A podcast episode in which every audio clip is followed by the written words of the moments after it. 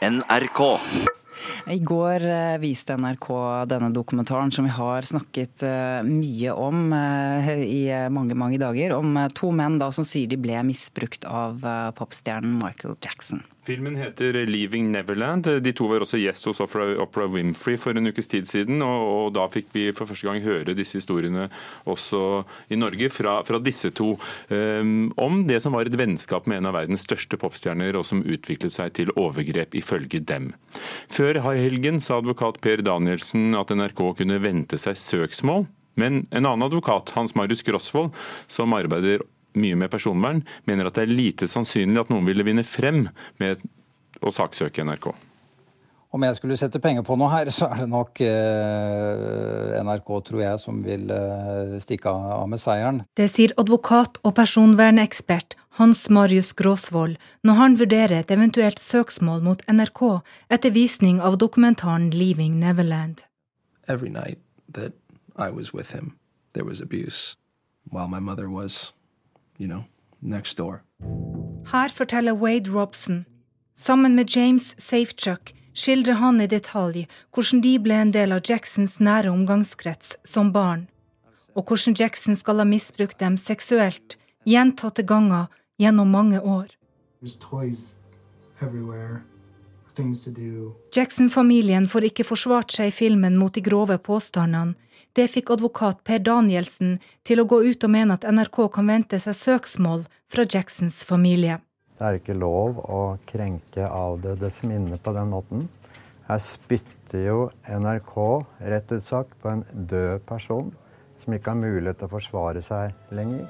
Danielsen viser til skadeerstatningsloven paragraf 3, som bl.a. sier at avdøde personer har rett til beskyttelse av sitt minne i inntil 15 år. Michael Jackson døde i juni 2009.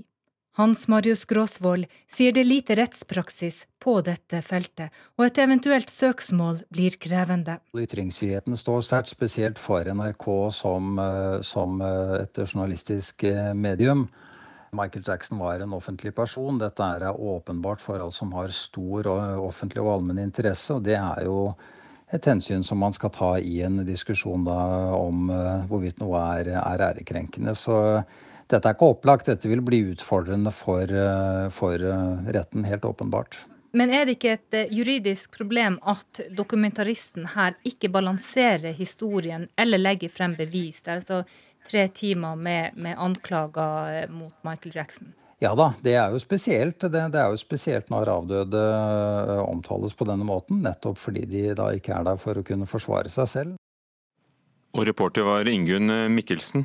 Stine Fiskå, mangeårig lidenskapelig fan av Michael Jackson, eh, god morgen. God morgen. Du var bl.a. med i NRK-programmet Kvitt eller dobbelt i nettopp kategorien Michael Jackson, og så var det en av dem som fikk være med på minnestunden da han døde i 2009. Du har også sett dokumentaren i går kveld. Hva fikk du ut av det? Nei, jeg satt jo og så på den i lag med noen venner. Og vi var veldig enige at eh, den var rett og slett lite troverdig. Og det var flere grunner til det også, da. Um, det var ting som ble sagt gjennom dokumentaren som rett og slett ikke stemmer. Og ting som dokumentaren fremstiller, da, som setter Michael i et veldig urettferdig lys. Hva reagerer jo, du mest på? Uh, for eksempel, det var et par ting som ble sagt, som jeg reagerte på. Uh, de prøver å fremstille som at Michael prøvde å overbevise dem om at kvinner var onde. Uh, når man vet at han forguda jo Diana Ross, hun var en av de som hjalp han da han var liten med karrieren. Eh, Elizabeth Taylor var jo alltid hans beste venn. Han hadde alltid god kontakt med prinsesse Diana, Brooke Shields. Han forguda sin egen mor. Eh, en annen ting de satt og snakka om, var at han prøvde å overbevise dem om at de ikke skulle ta utdanning, at det var unødvendig. Men eh, han har alltid hatt sånn hjemmeskole for barna sine. Og alltid vært opptatt av at de skal være ja, eh, kjenne til andre ting enn bare det som foregår i deres eget liv, da. Og Jackson-familien um, selv bestrider jo påstanden om seksuelle overgrep som kommer i denne filmen 'Leaving Neverland', og sier 'vi kjenner broren vår'. Um, hvorfor tror ikke du, som på mange måter kjenner til i hvert fall Michael Jackson veldig godt og hans liv og karriere, på historiene deres? Ja, eh, det er rett og slett fordi at altså, som en fan jeg har alltid sagt at altså, det spiller ingen rolle hvor god musikken er. Hvis jeg hadde trodd han var skyldig, så hadde jeg aldri hørt på han. Um, så de her tidligere sakene som var, i 1993 og 2003, det satte meg veldig inn i og leste rettsdokumentene. og det, Da kommer det jo veldig tydelig fram at det var veldig, handla veldig mye om penger. Og det skjedde mye rart i de rettssakene som ja, tyder på at han var veldig uskyldig. Så når, det kom så tydelig fram, hvis man setter seg inn i det, så syns jeg det er rart at det her skal være noe sannhet i. Og i forhold til at de forandrer historiene sine ut ifra hvem de blir intervjua av, og ting forandres, da. Eh, de står ikke helt fast med det de sier, det forandres over tid. Men det er jo klassiske overgrepssaker, at det ikke finnes bevis, og, eh, og at det tar tid før folk, uh, ofre, å fortelle sannheten. Ja, det er helt sant. Uh, akkurat det her at det tok lang tid for dem eventuelt å snakke om det, det kritiserer jeg ikke. da. Jeg syns bare det er rart når de blir intervjua. Nå har de vært i masse forskjellige medier de siste ukene, og der er visse ting som de driver og snakker om, som forandres. Var det noe du likte ved dokumentaren? Unnskyld at jeg avbryter deg, men det er litt vanskelig med sånn linje ja. hvor vi har litt forsinkelse. Men var det noe du likte ved dokumentaren, for, for deg som jo har satt deg inn også i denne siden av, av rettssakene som da har pågått mot Michael Jackson tidligere? Ja, altså, Jeg ble eh, litt positivt overraska at de i alle fall tok med noen kommentarer som Michael er kommet ut med sjøl. Og, um, og da håper man jo også kanskje at, at folk tar seg tida til å ikke bare se denne dokumentaren, men kanskje man kan gå inn på YouTube og, og fortsette å se litt andre klipp, sånn at andre sider kommer fram. da. Så jeg syns det var fint de tok med kommentar fra Michael sjøl. Mm. Takk skal du ha. Stine Fiskå, som altså er en av de i Norge som sikkert vet mest om Michael Jackson og musikken hans, for at du var med i Nyhetsmorgen.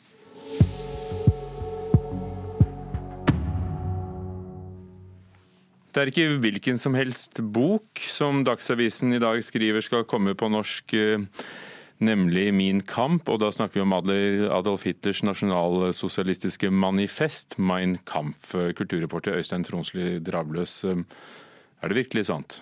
Det er virkelig sant. Det er ikke Knausgård som skal utgis. Det er eh, snakk om Mein Kampf, en kritisk utgave en helt ny norsk oversettelse som etter tittelen å dømme skal sette boka i et litt kritisk eh, lys. Det blir første gang siden okkupasjonsåret i 1941 at denne boka på ikke snaue 1966 sider utgis på norsk. Og eh, Dagsavisen erfarer at det er forlegger Arve Juritzen som skal gi ut boka, antagelig på sitt nye forlag. Eh, men han vil ikke bekrefte eller avkrefte den saken. Så hvilke kilder har de da? Det er intervjuet historieprofessor Christhart Hoffmann ved Universitetet i Bergen, som sier han takket nei til en forespørsel fra Juritzen om å skrive forordet til boka. Det takka i stedet førsteamanuensis Anders Tjøstvedt ved Oslo Met ja til, og han uh, sier at han vil kommentere utgivelsen nærmere lansering. Og når en bok som dette, som er forbudt utgitt i Tyskland f.eks., eh, skal komme på norsk, så kommer det også reaksjoner. Hvilke? Det gjør det. Eh, Dagsavisen har snakket med Guri Hjeltnes, eh, som er direktør ved Senter for holocaust og livssynsminoriteter. Og hun sier at det blir viktig nå å diskutere hva slags bok dette er, og betydningen den har i 2019. Vi beveger oss inn fra den sørgelige historien til en fantastisk virkelig, fantasi, kan vi si. I'm not what you think I am.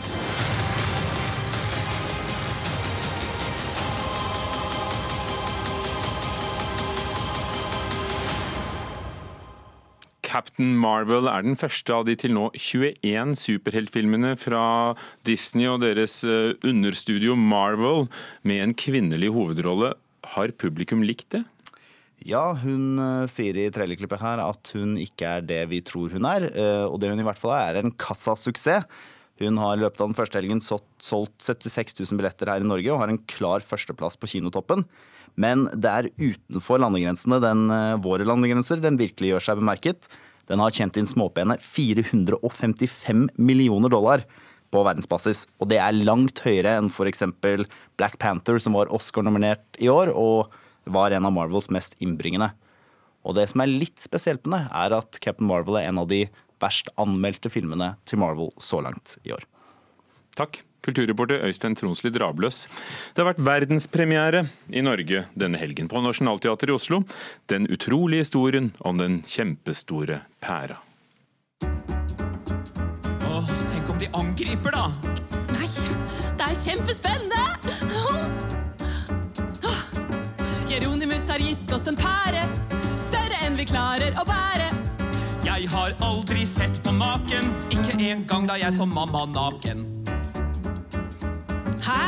Har du sett moren din naken? Ja, elefanter bruker ikke klær.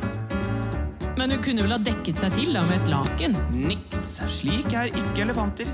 Hun var naken. naken. Det er den danske forfatteren og tegneserieskaperen Jakob Martin Strid som uh, ga ut boken, som altså heter Den utrolige historien om den kjempestore pæra i 2011. Den ble en suksess, det ble en animasjonsfilm, og så har Erlend Lo dramatisert den. Teaterkritiker Karin Frøsland Nystøl, du var der du på Nationaltheatret. Begynn med dette, hva er historien?